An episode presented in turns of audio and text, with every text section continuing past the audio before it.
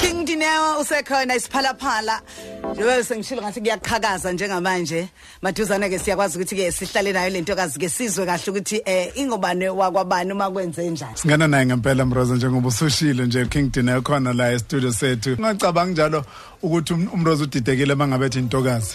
Cha, qinisile. Ngicabanga ukuthi uzolindela ukuthi Qeda kumusha "Hayi, ngesingisi mana lapha kuthiwa kodwa." King Dineo ufanga ngabe uQueen Dineo. Eh eh. Sihleli nomuntu osemusha ngalesi sikhathi King Dineo sakubingelela ke ntombi ngokusemthethweni sawubona.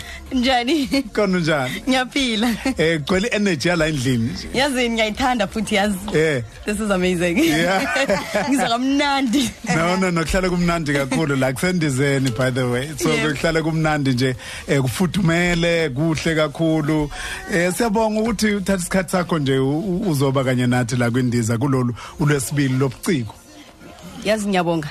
Like ngiphume epitori. Yeah. ngiyadrive kude ngize la. Aha. Angafly Yeah. wangafly wathi nje- drivile for 6 hours wathi cha kuthi Yeah. ngibe nani Ngiyibona leyo nto. Ababahle.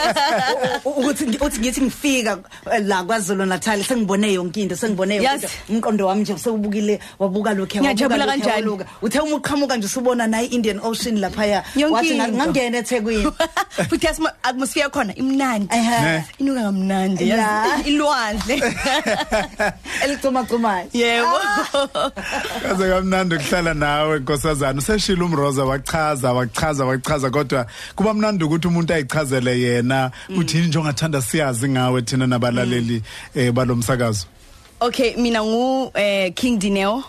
Eh ngiphuma ePitori. I'm under i record uh, label bayibiza i Bloodline Records. Eh I'm a rapper. I, like I I strictly do hip hop music. And then um I grew up khona lapho e ePitori in Atteridgeville and futhi angezi umculo kuphela um ngenza ini- initiative yama matric girls free makeup for matric uh, ladies uh, during their uh, prom night.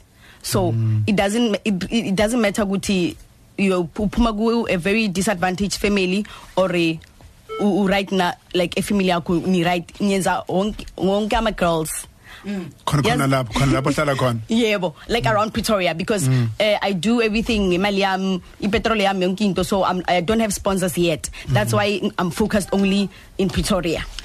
Dinewo molo isana angazi noma ngilibiza kahle yini umloyisa hayi kahle futhi ulibizile kahle. yebo. Okay.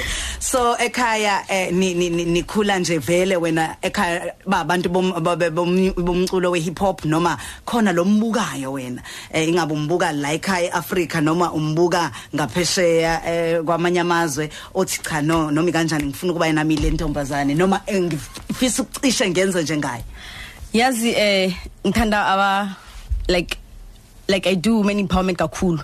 So ngibukele like untombazane wasekhaya qala ngisho siqala ekhaya. Yeah. so kunentombazane enyobathi u u ufifi Cooper.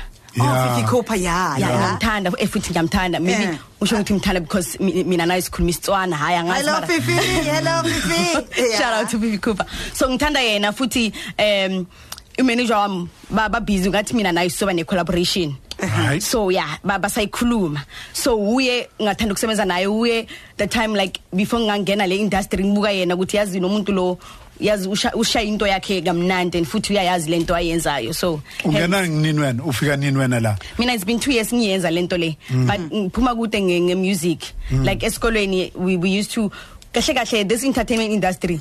Angaqala nge music first i was a presenter and then eh ngaba actress. I i did a, a, small uh, film eMzansi uh, um, magic. So uh kune izinto eh, like that i did before ngangena musicin because uh i, I had lento la ukuthi like i want to to to i want the the world ukuthi bayizwe isitori sami. Yeah. so because i don't have the pipes ukuthi ngenza ama- so hence ngangena ku hip hop ngathi yazini uzokhuluma ngestory zami nge hip hop so dala ngikhuluma kude ngayo shem. Isiphi le story sakho olangazelele kangaka ukuthi basizo abantu? Ukhulela ekhaya linjani emphakathini onjani? Yini leyo ongathanda ukuthi umuntu wesifazane wase South Africa ayazi ngawe? Ukuthi like regardless ukuthi uphuma kuphi empilweni like especially ekhaya yazi most of us especially black people uh we grew up um from a very disadvantaged families ukuthi lazi umama uye ubaba uye asebenzayo umama akasebenzi. Mara mina ngiphuma ukuthi ngiphuma uh, to a family ukuthi umama like raised us alone and we were four. Yedwa, and yeah. then during the process my mom got deaf and then she lost her job. Yes. Wagcina engasezwe indlebeni yebo. And she was a teacher. So uh that story really touched me. It's one of the things that I'm busy on my EP I'm busy in EP I'm mm. drop out on my birthday. So it's one of the stories that I want people to to hear which we never gave up. Umama like you know she worked hard ukuthi sidle endlini and then ukuthi singene isikole. I'm a graduate actually. I'm a two times graduate. I've got a diploma and a degree. Wow, yes. Wow, so umama wow. fought ukuthi ngibe where I am today. My sister my brother and my other brother. So I'm very proud. Uh-huh. So I want to tell the ladies out there ukuthi not only the ladies, the youth Yeah. ukuthi empilweni yeah it like don't be um ukuthi like i, background yakho ingakubambi. Yeah. ukuthi ukuthi ukhulele emphi Yeah, no, it doesn't matter. inkinga It ohlangabezana doesn't nazo matter. akunalutho It is not it, it, is- it is it is not your your your mistake ukuthi you grew up in a poor family but it will be your mistake to die poor. That's what I always tell my friends.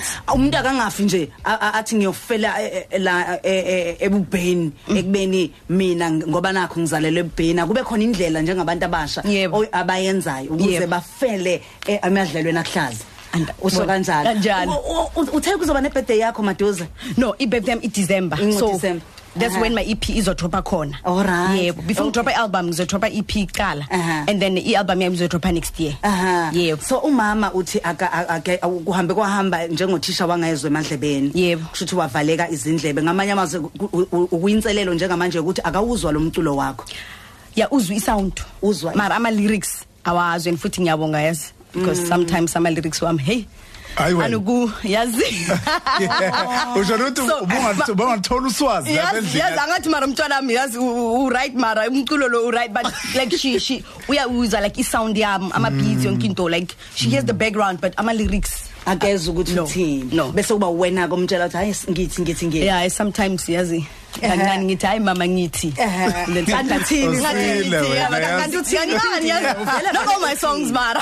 Uthini vele King Dineo wena vele sile uthini. lo muntu Silindele ukuthi kuthiwa Queen Dineo. oh hi mina nguking Aha. kanjalo.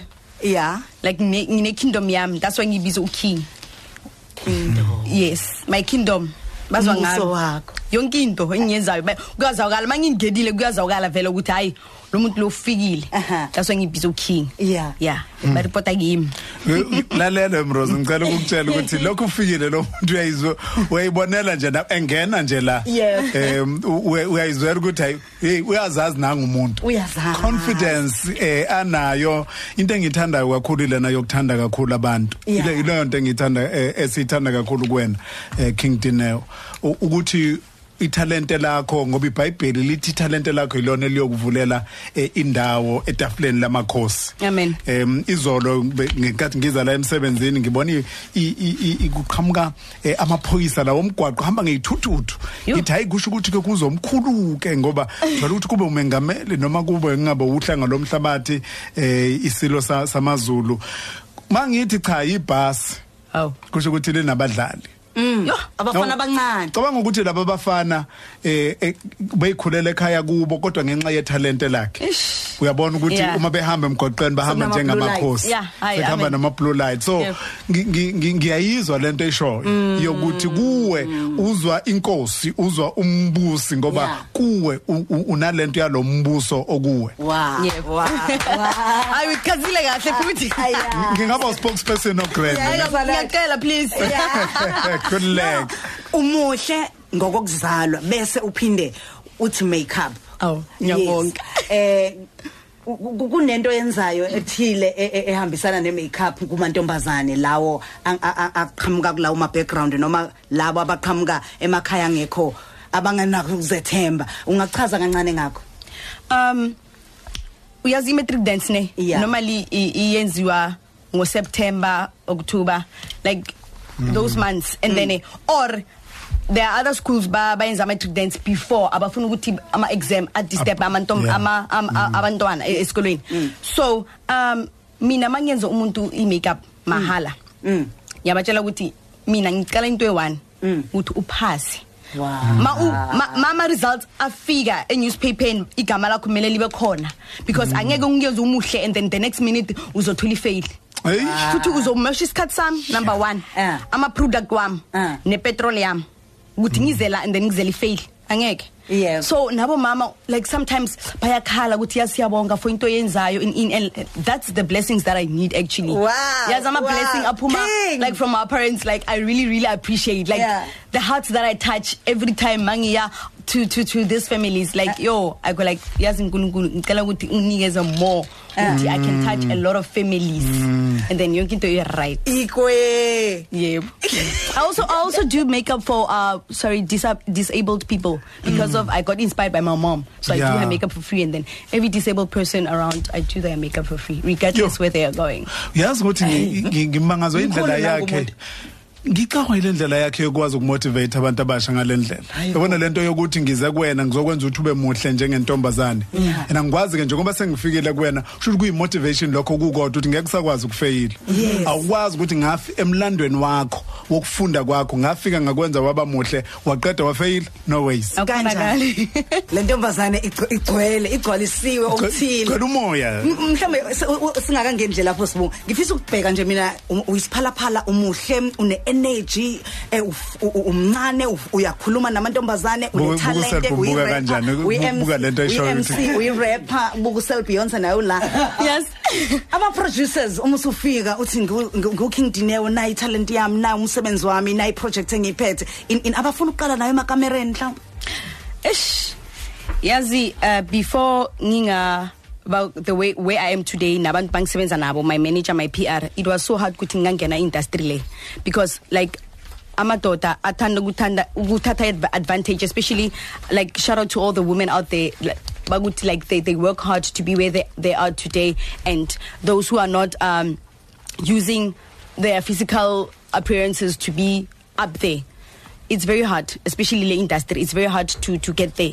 And yes if you don't have uh, manpower i i it's, it's very difficult. So Ish, I, I, got a lot of requests, but I refused until I got these people. And I'm like, you know what? My day will come and I'll be there where I want to be. uking dineo lo uyayizwa nje inkane khona. Okay. Ngeke ngilale ngeke ngiye ekamereni ngifuna ukubuza ubuzo wodwa Ah. and then so ungathini ke so kule mantombazane lawa asafufusa njengamanje afuna ukungena kuwona le industry yokucula abawatholayo kodwa ama offers kanjalo kodwa uyabona ukuthi bona are weak akusiwo wonke umuntu strong just like you. Uyabona? So ungathini kona umuntu ukuthi ish mara angiyenze lento and then mhlawumbe just get over, over and done with and then mase ngiyayithola leyo record what what Ish, it's not gonna end anyway. Let me just tell them now because. It's gonna be like that all the time. Ukuthi hayi, njalo, bazokutshela ukuthi uyazi ungene njani sis. So Hey, so they'll never give you the level of respect that you deserve. Yeah. So they must not go mele bale and then they, they must get a team ukuthi they, they're gonna like that team is gonna help her ukuthi abe there. Otherwise ma akasinikela. Hayi shem akhohlwe. mlalelo mlalelo osekhaya umuntu omusha nje obulalele nje uzama uphusha wenza yonke into yiba neteam yakho yabantu besilisa abaseduzane nawe obathembile uma kuyokhulunywa uhambe kanye nabo ukuze yonke ingxoxo baxoxe kanye nawe imanpower yileyo kade ekhuluma ngayo sitshela ukuthi singakuthola kuphi? Abantu abasha bangathanda ukukhuluma xoxo baxoxe kakhulu nawe. All right for bookings ngicela li sendele i bloodline uh, records email ku nico n i c o bloodline at gmail.com and then uh, for mina twitter it's Dineo Moloisani with double e. Instagram Dineo Moloisani. Facebook Dineo Moloisani. Awuphinde futhi email yakho? Email in nico n i c o bloodline at gmail.com oh bloodline. Yeah igazi yeah. Yebo. nico dot bloodline Yebo. at no nico bloodline. There's no dot. Oh nico. Nico bloodline at gmail.com awu qedile ke kulungile then- kakhulu. and then WhatsApp is zero ngiyadlala hayi sneak na sneak oh Ngiyadlala, dlala hayi, ngempela ngiyadlala ngezinto ezinjalo. awuba sesithi ayibamba nje. Okay kulungile ke eh, King Dineo siyabonga kakhulu. Kulenyanga eh, udropa isingle yakho futhi? Yeah ngi- this uh this month ngidropa i my single Faga. It's dropping end of June. Okay. Yep Siyabonga iTunes Google Play everywhere. Ah, yep hambe kahle yazi. Ngiyabonga. khonze pitoli Umroza right here on Mkosi FM